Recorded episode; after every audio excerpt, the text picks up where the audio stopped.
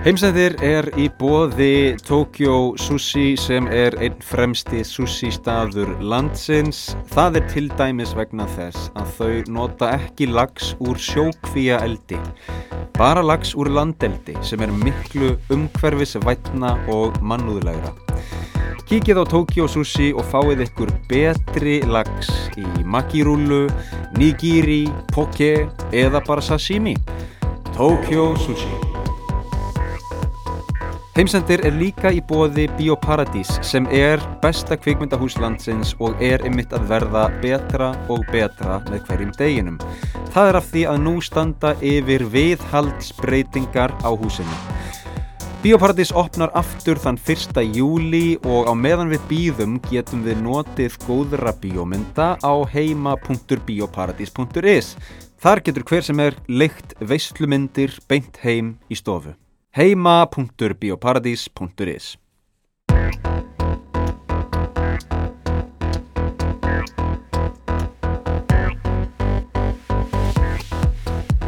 Gott fólk, verið velkomin í þátt nummer 41 af heimsendi. Uh, Við erum að hilsa hérna frá Japan, það er nú bara þannig. Heimsendir er fluttur til Tókjó og uh, Ég er einn í dag eins og í þætti nr. 33 þegar ég var nýskriðun undan COVID. Ég hugsaði þátt dagsinn sem smá update, smá hérna, sögustund frá mér til þín um ferðalægið frá Íslandi til Tókjó, um uh, fyrstu dagana í Tókjó, um íbúðina þar sem ég bý með uh, konunum minni Sérinn og kettinum mínum Tító og svona aðeins um hvernig Japan hefur tekið á mótið mér. Um, fyrst af öllu þá vil ég benda á það að ég er með, ég er með grímu. Ég er sagt, með COVID grímu um, þess vegna er mjög líklegt að þið muni heyra smá svona skrjáf í grímunni. Ég bara ákvaða að vera ekkert að vesenast yfir þessu akkurat núna, þetta eru reglurnar. Ég er hérna komin í stúdjó uh, þar sem ég get leikt uh, einn klukkutíma á cirka þúsund krónur sem er bara fínt. Um, og allt til alls hérna ég er búin að ná í einhverjar græjur og, og hérna niðurhala einhverjum, einhverjum uh, hugbúnaði. Og, og allt er bara ready nema hvað ég þarf að vera með grímu sem er allt í lagi líka. Það er hérna ég náttúrulega er ekki með COVID í fyrsta lagi. Ég Uh, ég er búin að fara í alls konar próf og búin að fá COVID og búin að fara í þrjár bólusetningar þannig að það, það þarf ekki að hugsa um COVID lengur sko. En ég þarf að vera með grímu af því að þetta eru reglurnar. Kannski reynir ég að hérna, uh, mynda einhverja, einhverja uppreist gegn þessu næst en í þessum þætti verði ég bara með grímu. Sko, mér langaði aðeins að byrja bara á því að segja frá ferðarlæginu um, það var svakalegt uh, ég sem sagt fór þann 13. mæ förstu daginn 13. mæ notabenni frá Íslandi til uh, Helsingi og síðan þaðan til Tókjó ég var að fljúa með kött uh, Tito kom sem sagt með í litlu búri og blessunlega mátt hann vera hjá mér í farþegaríminu um, að því vorum að fljúa með Finnair báðar leiðir og Finnair er eitt af þessum fáu flugfélögum sem leifa uh, litlum köttum og, og hundum að vera með inn í farþegaríminu. Ég bara gæti ekki ímynda mér einhvern veginn að setja köttin í farangusrými í, þú veist, 24 tíma. Ég bara, það er vissul, það er örgulega allt í lægi sko, en, en, en bara einhvern veginn gæti ég ekki hugsa mér það og líklega með rendu sko að því að, að, því að Tito varð mjög hrættur um, við þess að kerðum út á flugvöll. Það var ekkert svo mikið mál sem mættu út á flugvöll. Uh, þurftum að fara beint með hann í, ég er náttúrulega innritaði mig og allt það og skilaði töskunum af mér. Svo þurftum að fara beint í örgisleit og ég fór ekki í gegnum hefðbundna örgisleit uh, sem minnum á það. Ég, jú ég fór nú í gegnum hefðbundna örgisleit sjálfur sko. Uh, byrjuðum á því Síðan fórum við með köttin í lokað herbergi þar sem uh, leitað var í búrinu hans. ég vona að ég sé ekki að uppljóstra einhverjum hernaðar lindamálum hérna en uh, búrið hans var leitað og þá var hann því miður aðeins búin að pissa á sig uh, það er bara eins og það er síðan hérna var búrið innsiklað, uh, það var lokað og Japanirnir báðu sem sagt um það þar að segja þau sem byðu eftir okkur á vellinum í Narita í Japan byðu um það að innsiklinn eruðu ekki rofinn alla leðina þannig að frá Keflavík uh, á förstudags morgni um sjöleitið til klukkan fjögur á japanskum tíma á laugardegi þetta er cirka sólarhingur þá var búrið lokað og Tito komst ekkit út uh, sem var uh, svona smá erfitt og ég var búin að hérna, ég var búin að búa til uh, sérstakka aðferð til að gefa honum vatn. Ég var með svona vassbrúsa sem ég skatt sprautað úr fjarlægð í gegnum netið á búrinu inn í vastallin sem ég var búin að festa við búrið með veiðigirni. Þetta var mjög gott. Og svo gæti ég gefið honum svona fljótandi túnfisk sull í gegnum neti líka. Þannig að ég gæti alveg gefa honum smá næringu. Nefna hvað að hérna, fyrsta flugi var bara frekar erfitt, uh, Tito svaf ekki neitt í fyrsta fluginu, það var frá Íslandi til Helsingi, cirka þrýr tímar, uh, það var líka bara eiginlega full vél. Uh, við reyndar vorum með lausæti við hliðin á okkur sem var mjög gott. Og Tito átti raun að vera á gólfinu undir sætinu fyrir framann, en það er bara ekki hægt af því að það er líka björgunavesti undir því sæti, þannig að Tito mátti bara vera á gólfinu við hliðan á mér, það er bara fínt. Nema hvað hann var frekar stressaður og var fann að gera svona alls konar skrítnar hluti eins og að vera með munnin gapandi uh, opinn uh, sem var líklega eitthvað uh, ég bara veit það ekki eitthvað, eitthvað viðbráð við kannski þrýstingi eða eitthvað um, hann var svona, já, frekar órólegur. Þannig að ég var orðin svolítið stressaður eftir fyrir flugið. Um, í Helsingi voru við tveggja tíma millilendingu og blessunlega var eiginlega engin á vellinum eh, allavega ekki nálagt hliðinu okkar. Þannig að við gáttum bara farið inn á lokað klósett og chilla þar og þar gaf við honum hérna, vatn og, og eitthvað svona. Og síðan í setna fluginu þá var hann nú bara helviti góður uh, strákurinn. Um þá sko í setnafluginu frá Helsingi til Tókjó var eiginlega enginn í fluginu. Uh, þú veist það voru það var kannski svona 30-40% mæting sko. Um, eða þú veist ekki mæting en þið veitir uh, þannig að ég gætt verið með heila röð fyrir okkur tító og hann gætt bara verið á gólfinu, ég gætt opnað búrið sko ekki opnað opnað heldur svona teikt úr því það er hægt að renna svona gluggum og, og svona framlengja búrið svolítið sko. Að hann gæti leið í því og í setnaflýinu sem var notabene 13 klukkutímar þá gæti Tito sofið. Ég gæti ekki sofið. Ég tók svefnliv og, og eitthvað svona og gæti ekkert sofið sko. Um, veit ekki af hverju, kannski stressaður þannig að ég var eiginlega bara svona svona smá drukkin af svefnlifum sko, að horfa á uh, Matrix og uh, King Richard og eitthvað svona uh, en ég var basically bara býða í 13 klukktíma því að þetta flög var ótrúlega langt og ástæðan fyrir því er náttúrulega stríð í Úkrænu við þurftum að fljúa söður fyrir, ég held að við myndum fara norður fyrir Rúsland en það er vist mjög örfitt þannig að við fórum söður fyrir Úkrænu og Rúsland flugum yfir uh, hérna, Rúmeníu og, og uh, Svartahaf og uh, Azerbaijan og Kaspíahaf og, og eitthvað svona stemmingu. Við vorum sko frekar nálegt Úkrænu sem ég fannst merkilegt en náttúrulega að því að þetta er allt mjög stórt þá vorum við líklega mjög langt frá Úkrænu en á litla kortinu á skjánum fyrir fram að mig virtust við vera mjög nálegt og ég sá borgir eins og Lviv og eitthvað svona Um, en þetta var hérna líklega allt með ráðum gert og gekk bara stórslista löst fyrir sig. En þar lendu við í mjög mikill í ókyrð sem náttúrulega fór ekki vel í tító en uh, þetta blessaðist allt. Sko, þegar við komum til Japan eftir 13 tíma flug pluss 2 tíma millilendingu pluss 3 tíma flug frá Íslandi þá þurfti ég að fara í COVID-próf. Um þrátt fyrir að vera búin að fara í PCR próf í Íslandi sem sko fálönd byggja um uh, og borga fyrir það 7000 krónur þrátt fyrir að vera búin að prenta út þrygg, sko, þrefalda bólusetningu vottorð og uh, fá í raun sko japanska útgáfu af PCR prófinu upp og skrifaða af lækni þá þurfti ég samt að fara í COVID-próf á vellinum sem tók tvo klukkutíma uh, ég fór frá einum bás til annars, til annars, til annars, til annars, til annars. Það voru svona 17 básar á leiðinni frá flugvílinni til uh, þar sem ég var ekki lengur í COVID-prófi.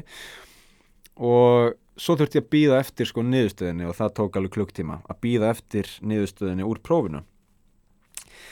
Um, ég veit ekki hvað ég get sagt meira um það. Það var frekar pyrrandi en þú veist ég skal ekki segja, ég er ekki stjórnmálumæður í Japan eða, veist, og ég er ekki landlæknir í Japans heldur þannig að ég kannski hérna, er ekki til stöðu til að meta það neitt frekar en uh, hefði viljað sleppa við það, við kenna það. Síðan var ég komin í, í hérna, landamæra eftirlit og held að ég myndi bara fljúa í gegn en af því að ég er með dvalarleifi en ekki svona sérstakt uh, útlendinga skýrteini þá þurfti ég að býða í hálftíma á meðan þau byggu það til og þeim fannst mjög merkilegt að ég væri frá Íslandi þegar ég held að ég held að þau hafi mögulega um, ekki alveg vita hva, hvaðan það, sérst hvað það var en, en hérna uh, eitt sem ég tók eftir þar og þetta er ekkert ítla meint en eitt sem ég tók eftir þar þrátt fyrir að ég tala mjög goða japansku þá var voða lítið verið að ráðfæra sig við mig. Ég sá að það kom upp eitthvað, eitthvað vandamál í landamæra eftirlitinu það var eitthvað, einhver óvisa uh, þau voru ekki alveg að skilja hérna, eða átt að sé á þessu dvalarleifi en í staðan fyrir að spurja mig byrjunum við, ertu, ertu kannski giftur japanskum ríkisborgara eða ertu, ertu, hvað er að gerast hérna? Eða segja mér, hörðu afstækið að koma upp smá vandamál hérna, við ætlum bara aðeins að stökku í næsta herbyggju og aðtöða þá bara sagði engin neitt. Ég var bara dregin í eitthvað herbergi þar sem var sófi og sagt að setjast niður uh, ég gerði svo sem ekkit veður út á því uh, en það er bara best að láta þau um það. En uh, ég var ánum svolítið þreyttur þarna og líka ánum svolítið stressaður að því að maður veginn var komin á leiðarenda með tít og sko kötturinn hafði lifað af og var bara, virtist vera bara nokkuð góður á því með við allt og allt. En ég var svona fljótlega til ég að fara að hleypa honum út úr búrinu og gefa honum almennan mat og vatn en við höfum að býða þarna í klukktíma eitthvað eftir, eftir landamæra stemmingu. Uh, síðan fórum við og sen gekk það upp og ég fekk hérna útlendingakort sem ég er með núna. Síðan fórum við, skal ég ykkur segja í uh, hérna Animal Quarantine sem er þá ykkur skonar sóttvarn eða sko hérna dýra, dýra sótt hví og um, þar uh, var allt mjög smurt og flott en það vorum við búin að senda alla pappir á undan okkur þannig að það voru bara hérna tveir herramenn sem byðu eftir okkur þar vissu nákvæmlega hvað við vorum að fara að gera. Við vorum bara að fara hérna sína þeim að búrið var vissulega innsiklað og það var tímasett og númer á innsiklunum og við vorum með upplýsingar frá mast og, og dýralækni og bólusendingavottor og allt svona. Og þeir bara skoðuðu það svo þurfti ég bara að skrifa undir eitthvað blað og bara bím bara búm uh, allt gekk vel tók samt alveg hálftíma en, en hérna Lóksins kláraðist það, klukkan fjögur á staðartíma í Japan, reyndar kortir yfir fjögur, að því að taxin okkar kom klukkan fjögur, en hann var svo elskulegur að býða, þannig við fórum bara beint út í taxa, þar var sérinn, um, ég og Tito mættum henni, fagnaðar fundir, beint út í taxa, brunuðum frá Narita til Tókjó. Það er svona klukkutíma ferð og uh, Lóksins um, um fimmleitið mættum við heim til okkar í Meguroku Meguroku er uh, eitthvað hverfi í Tókjó ég kann eða ekki betur skila því en það. Sko það er eitthvað svæði. Hverfið okkar heitir líklega Yakumo um, það er eiginlega ótrúlegt hvaða er rólegt og hljóðulátt miða við að vera í 38 miljón manna borg en það er hverfið þekkt fyrir það. Og þetta er samt miðsvæðis. Þetta er sko tíu mínútur frá Shibuya sem er uh, uh, hérna, þar sem er svona, er svona skrambul, þar sem er svona gatnamót og ljósin, gönguljósin verða græn og þúsundir manna krossa yfir. Þegar við séum þetta í bíómyndum og vídjóm og svona, það er Shibuya og við búum sér satt tíu myndum frá því. Um, Íbúðinn, það er kannski næsta mál og dagskrá, er voða fín, uh, þið getur kíkt í Instagram story hjá mér persónulega, þar sést smá túr um íbúðina, hún er 25 fermetrar. Hún er 25 fermetrar en virkilega vel skipulögð og glæni, um, ykkur að segja þá er leigan fergar há, hún er svona 140 kall á mánuði en það er hérna það er bara allt í lagi líka af því að e, e, íbúðin er notaleg og næs og hún er sko e, hún er eiginlega það er engin, engin herbyggi sko. Það er engin herbyggi það, er, það á að vera hægt að loka af einhvern svona rúmblett þar sem þú getur lokað stofuna frá þar sem þú sefur en þá ertu komið með sko kannski svona eins og hálsfermetra svefnherbergi sem meikar engan sens þannig að við erum bara með þetta sem stúdjóýbúð reyndar er klósettið þrískipt. Það er sem sagt eitt herbergi sem pínlítið sem er svona hálfur fermetrar uh, þar sem er salerni. Síðan er uh, annað herbergi sem er aðeins stærra þar sem er þvóttavel og vaskur. Og síðan er annað herbergi sem er svona blöyt herbergi þar sem er bað og sturta já, gott fólk í 25 fermetra íbúð er baðkar.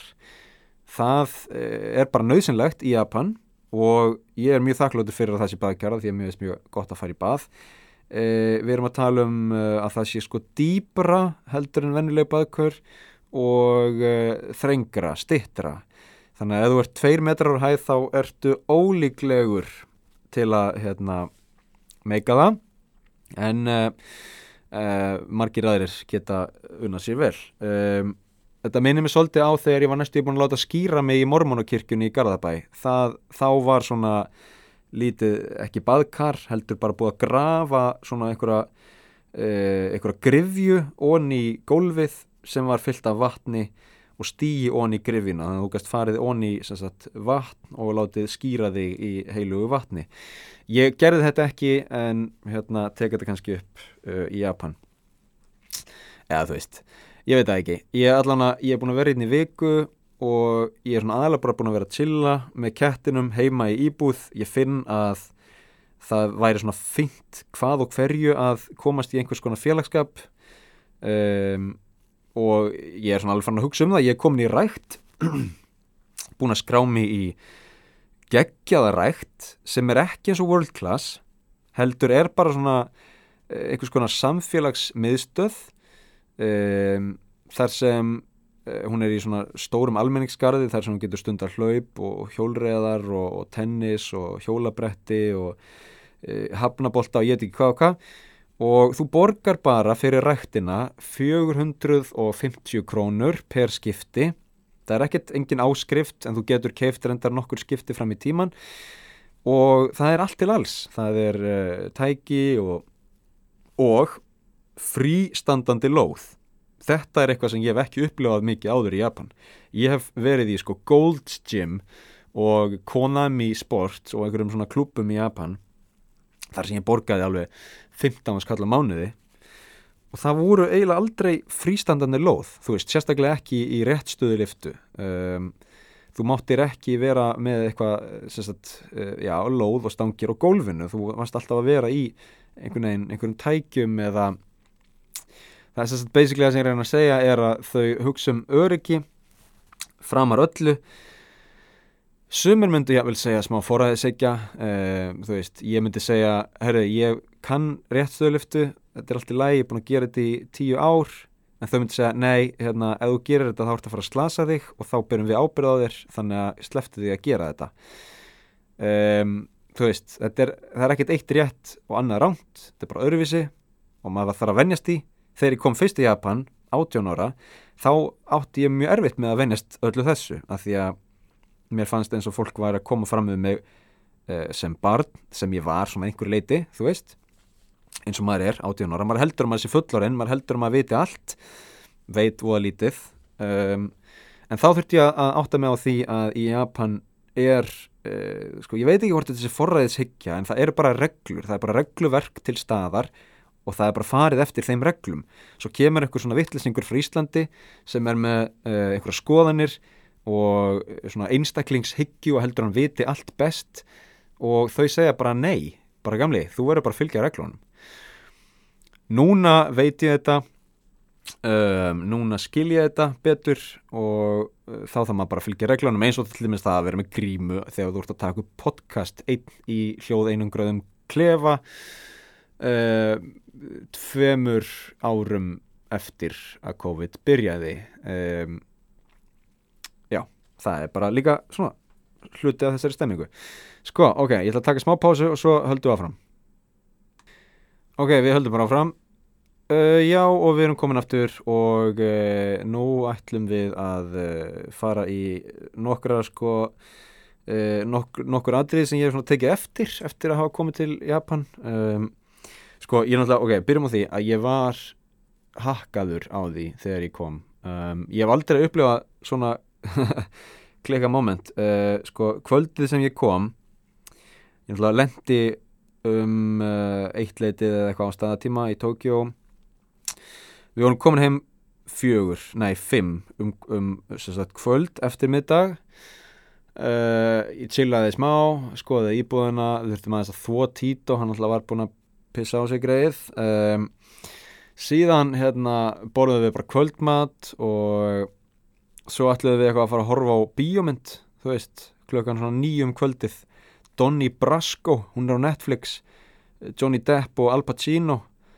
Uh, ég sko það, það leið yfir mig úr þreitu, ég bara ég man eftir að hafa séð svona 2-3 nöfn, þú veist þegar myndin er að byrja. Johnny Depp Al Pacino. Svo bara blakkaði út, ég bara algjörlega veist, þetta var rosalegt hvernig þreitan kom, heldist yfir mig eins og sko eins og bara stór alda af svona heitu hérna, lofti sko, það bara, það, ég bara gjörsamlega lág uh, og gatt sofið bara mjög vel til bara næsta morguns. Um, og held ég væri bara komin einhvern veginn búin að sneika hjá einhver jetlæki svo var það ekki alveg svo gott. Uh, ég lendi í því svona næstu daga að vera sko klukkan svona fjögur fimm um daginn þá bara heldist yfir mig sama þreita en ég náttúrulega er sjóaður ég er reynslu bolti í, í þessum fræðum. Maður náttúrulega fer ekki að sofa þegar þú verður gett þreytur uh, klukkan fjögur sko fyrir kvöldmatt ef þú leggur þig þá þá ertu búin að klúra þessu. Þá ertu, ég tala nú ekki með um að þú leggur þig í meira en korter sko. Ef þú tekur klukkutíma bl hérna, blund uh, lúr klukkan fjögur, fimm af því að þú ert svo jetlagaður þá ertu fögt sko, þá ertu að fara í uh, meira jetlag og mynd líklega ekki sofa mikið á nætuna. En ég sérst er komin yfir jetlagi núna. Uh, þetta var bara svona mjög vægt að því að hérna, all rétt skref voru tekin.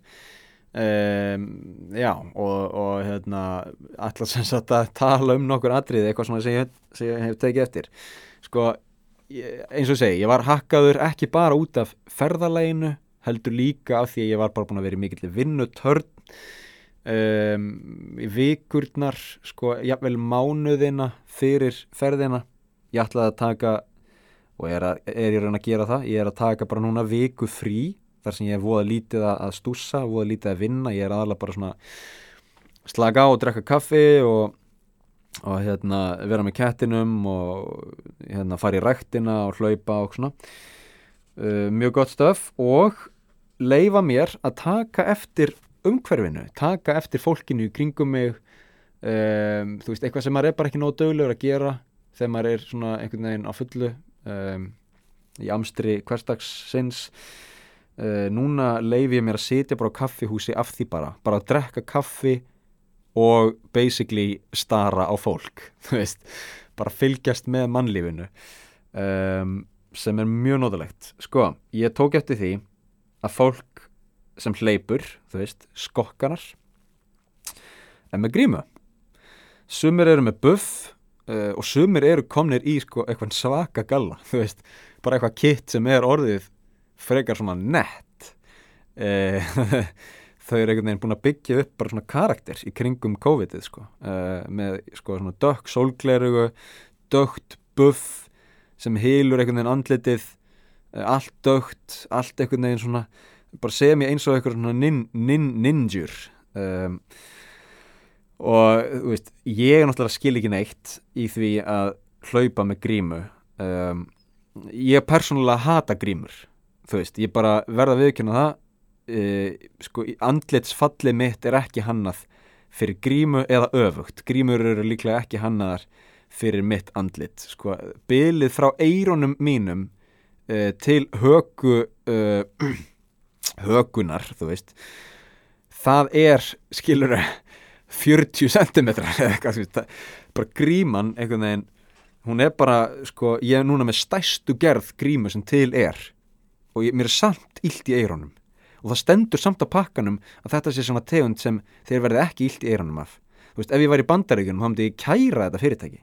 Ég einhvern veginn um, ég, ég hef aldrei fundið grímu sem passar mér mjög vel. Þannig að þegar ég hleyp þegar ég skokka þá er ég ekki með grímu. Og þá myndir margir spyrja af hverju eru þau þá með grímu? Sko í fyrsta lagi þá er allir með grímu um, inni, úti lestin, ekki lestin skiptir ekki máli.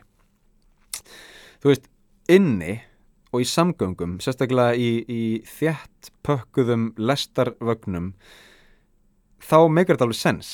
Þá skil ég alveg að, að hérna, gríman sé uh, jável nöðsynleg en um, en ekki afsaki ekki ég fór að hugsa um alltaf annað ég rugglaðist hérna aðeins.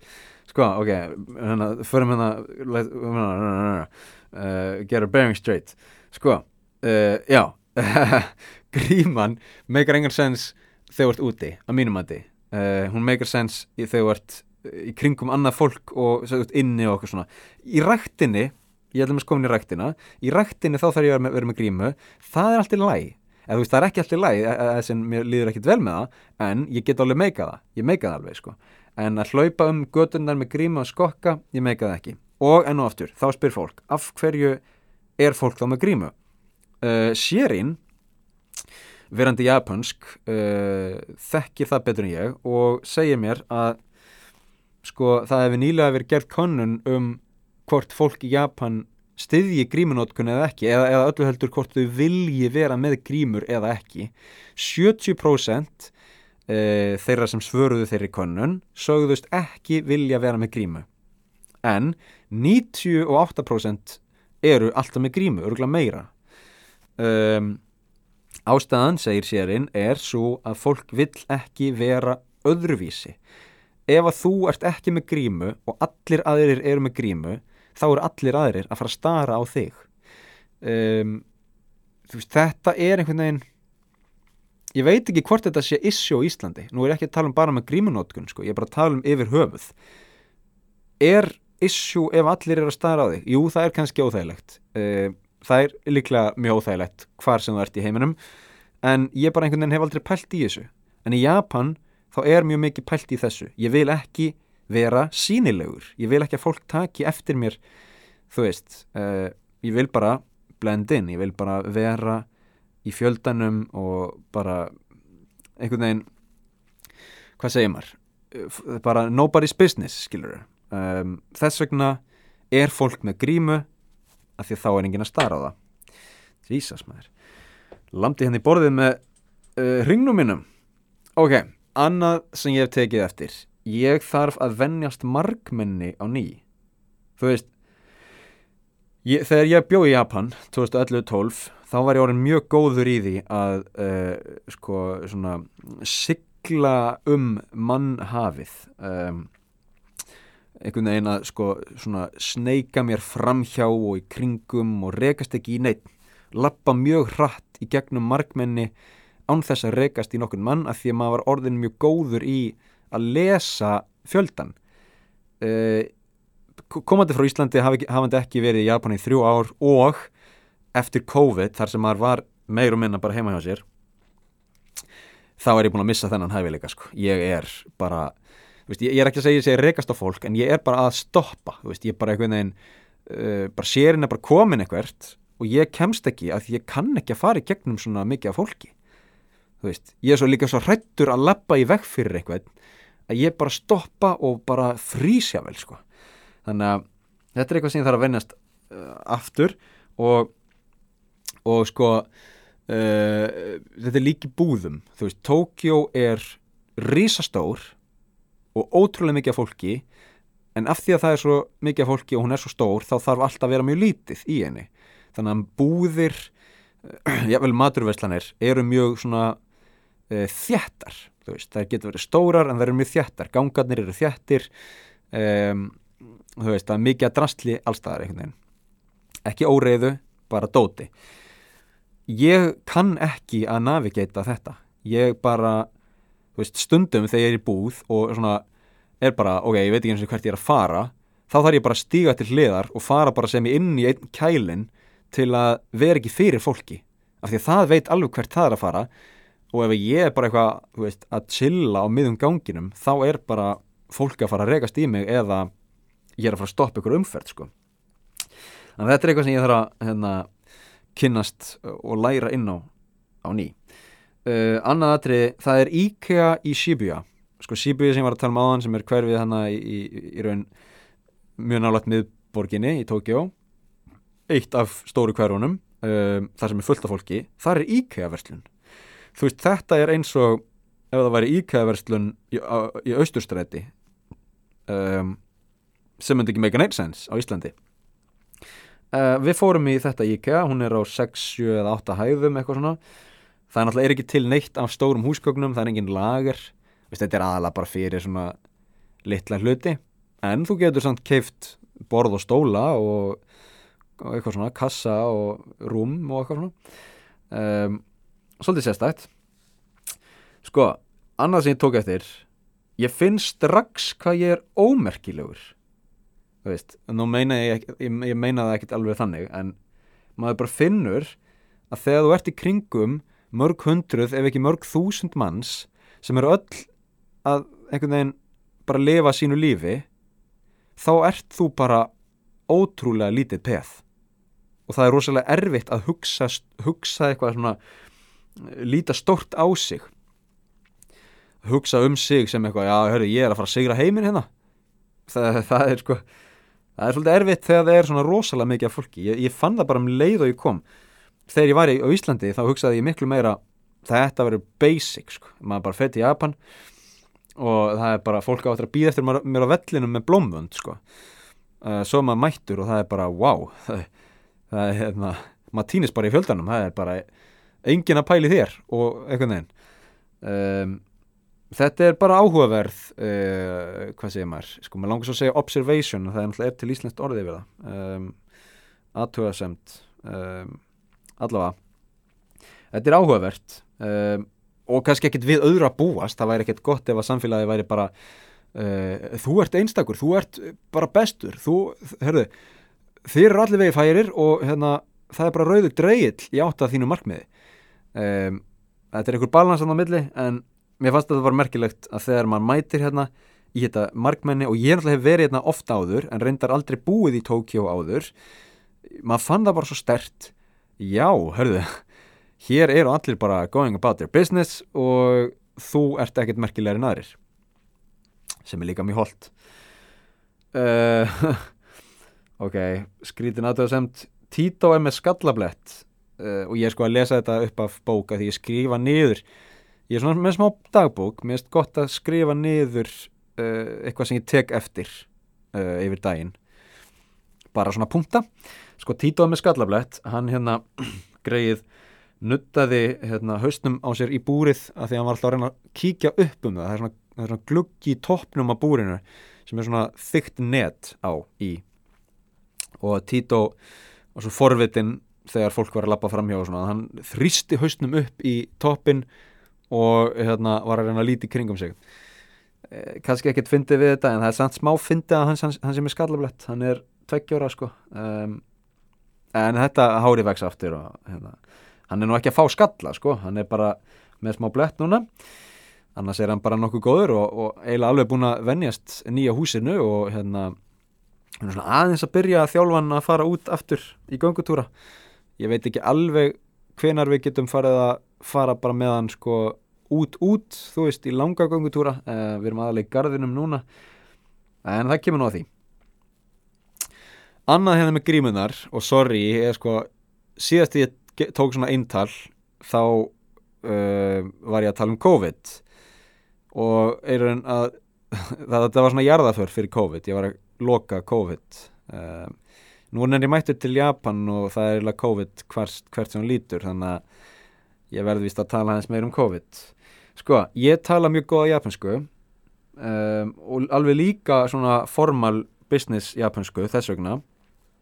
Og eftir að hafa komið hingað þá þurft ég að fara í ráðhúsið og skrá mig og fá mér sjúkratryggingu og fara upp í skatt og fá eitthvað svona einirkja ráðgjöf og ég þurft að stofna bankareikning alls konar svona dót sem ég þurft að gera um, og allt á japansku og allt bara fínt en ég tek náttúrulega eftir því að fólk er með grímu og þú veist ég bara ég skil bara alls ekki jafn mikið af því ég sé ekki varirna reyfast ég sé ekki sko, ég, fa, eða, ég sé bara ekki andlitsbreyðin andlits, ég sé bara augu og maður náttúrulega lesa eitthvað í þau en þetta er virkilega erfitt um, og þú veist, mér finnst þetta bara áhugavert líka. Þetta er allt áhugavert, skiljur við mér finnst bara áhugavert að hérna uh, mér langar allavega að spurja ég væri til að spurja Japana, bara hei er þetta ekki óþólandi finnst þér ekki ógeðslega bögandi að vera með grímu? Ef þau myndir bara segja nei, mér finnst þetta bara næs veist, þetta er bara, hérna get ég bara einhvern veginn hérna, verið bara með smá skjöld á andlitinu og hérna ég get bara svona, þú veist, falið mér svolítið á baku skjöldin ef ég, ef ég er þannig að pæli því og eitthvað svona uh, en annars er þetta bara fínt. Veist, ef þau myndir segja það þá þætti mér það mjög ótrúlegt að ég held að ég held að þeim finnist þetta ekki þægilegt. Ég held að það finnist engum þægilegt að vera með grímu til langs tíma allavega. En þau eru bara svo ótrúlega góð í að fylgja þessum reglum þú veist ég, veist, ég man þegar við vorum með grímu í, í leiklistaskólanum þá fylgdu alveg reglunum en við vorum alltaf mjög laus, nei mjög hérna glöð þegar við gáttum tekið grímuna á okkur. Um, þú veist og að svona smá svona uppreist skilur þau, smá svona svona aðeins verið að stríða jável skilur þau Uh, eitthvað neginn, vera með grímuna skrítna vera með grímuna öfuga eitthvað svona aðeins vera hérna, skiluru vera að senda svona smá skilabóð um, en það er ekki tannig hérna. Fólk er bara með grímu, bara fínt. Þannig að þetta er áhugart líka. Um, sko eins og ég segi, ég náttúrulega var hakkaður því ég kom þannig að uh, ekki alveg fyrsta málu dagskrá en svona mjög fljótlega eftir ég kom þá pantaði mér heilnutt um, sko sér eins að það sjúkranutt væri ódýrar heldur en eitthvað svona eitthvað svona spa-dót. En það er það ekkert mikið hérna. Þú veist á Íslandi eða fyrir nutt þá borgar 20 skall fyrir að fara í heitapott og nutt og slopp og inniskó, skilur þau og ilmólju um, hérna ferðu bara í nutt þú veist það er bara ekkert floknara en það. Þú fer bara í nutt og ég fekk 45 minútna heilnutt á 4000 krónur. Það var ekki bara heilnutt þetta var sko sjúkraþjálfari sem er líka nuttari og er eitthvað niðurgreittur af ríkinu uh, sem bara grindi á mér bakið. Bara já ok, þú ert bara hérna smá hérna stífur hérna líklega af því að þú ert að gera þetta og getur prófað að gera þetta í staðin, þá ertu bara miklu betri. Þú ert líka stífur hérna, þú ert líka mjög góður hérna. Það er virkilega hérna, gott að þú sért mjúkur og, góður hérna og ég fekk bara greiningu á bakinu á meðan á nuttinu stóð og hérna borgaði fjögur þúsund krónur þú veist, mér finnst það mjög merkilegt. Og, og nuttstofan þá þetta hafi verið mjög lástemt og ekkit, ekkit svona fluff í kringum þetta, þetta var ekki skiluru í grískum stíl með fljóktandi vatn og, og, og hérna plöntur og jókatónlist og svona, nei nei, þetta var bara mjög basic stofa þar sem þú færið nutt en það var endar verið að spila Gustaf Mahler sem mér fannst mjög uh, japanst einhvern veginn að vera í svona klassískri tónlist ró, romantískri tónlist á meðan hérna verið var að nutta fólk. Um, og það er mjög japanst sko. Ef þú fer á franskan veitikastæði hérna veist þar sem, þar sem réttinir eru mjög dýrir þá er mjög líklegt að það sé verið að spila Bach eða eitthvað svona. Hörðu, ok um, þrýr púntar eftir eða tveir, ég er búin að tala með uh, já, ég fór í bankan að stopna hérna uh, reikning, ég reynda gæti ekki stopnaðan í þeim banka, ég ert að fara í posthúsið að stopna reikning þar, það er miklu öðuldara uh, já, fólk í Japan sendir ennþá post um, fólk á Íslandi gerir það vissilega líka en kannski minna mæli. Þannig ég stopnaði bankareikning í posthúsinu sko, við ingangin á bankanum er hátalari með kvennmannsrödd sem segir velkomin við þau sem lappa inn og takk fyrir við þau sem lappa út. Þetta fannst mér líka áhugavert. Uh, ég, ég beigði í svona klukkutíma eftir að fá að vita að ég gæti ekki hérna stopna bankareining en ég er í núvitund hérna. Ég er að kvíla mig. Uh, ég er ekki að vinna. Það er ekkert ís og þís á mér. Ég er bara slagur þannig að það var ekkert mál fyrir mig að býða í klukktíma og bara fylgjast með fólkinu og eitthvað svona hlusta. Þannig að ég fór að taka eftir þessum hátalara og mér fannst áhugavert hvernig hann virkar. Ég veit ekki alveg en ég held að séu mögulega tveir laserskinjarar einn sem bendir út, annar sem bendir inn.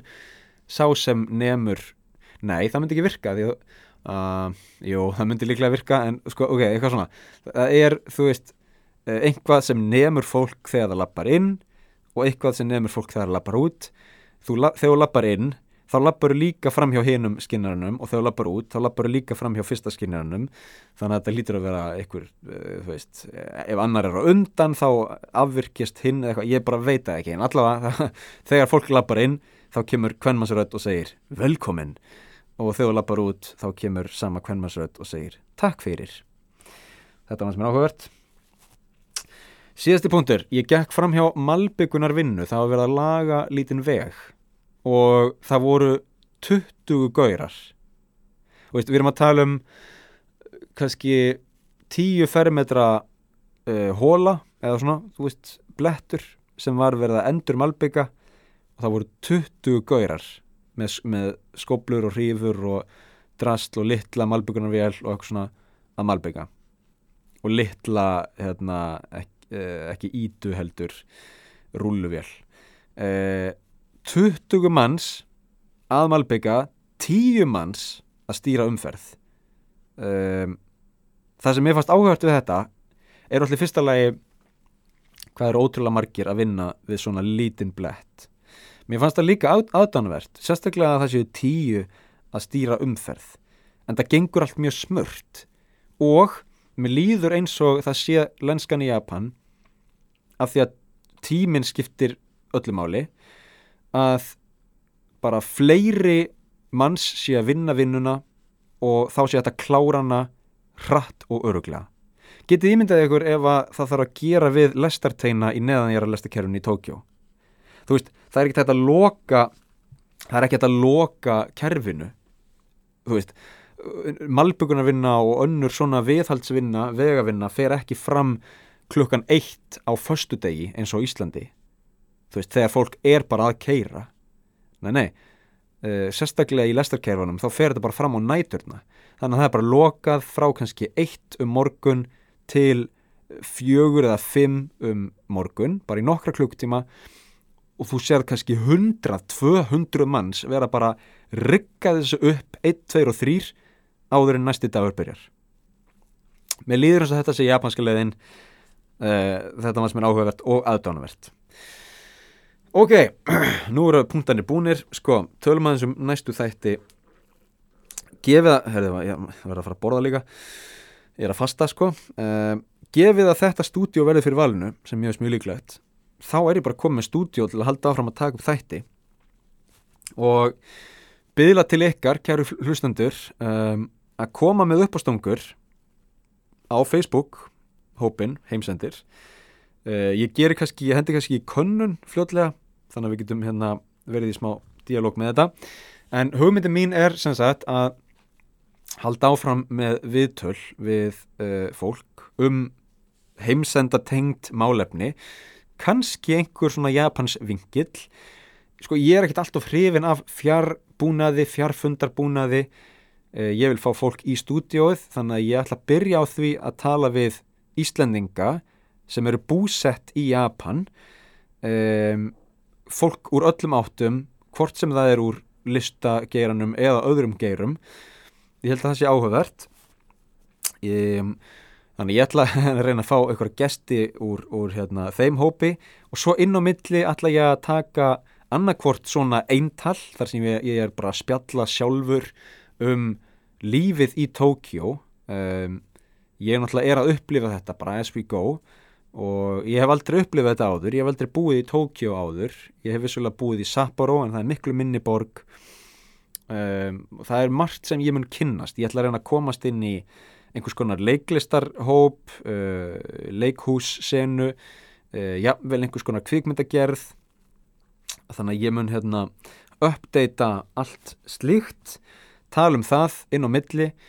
Og svo mögulega langar mig að gera meira svona handrits based, uh, skrifa einhvað lítið handrit og gefa út inn á milli stittri þætti sem eru kannski einhverjar sögur eða meira kannski átt að uh, hljóðbók eða jafnvel útvarpsleikhúsi.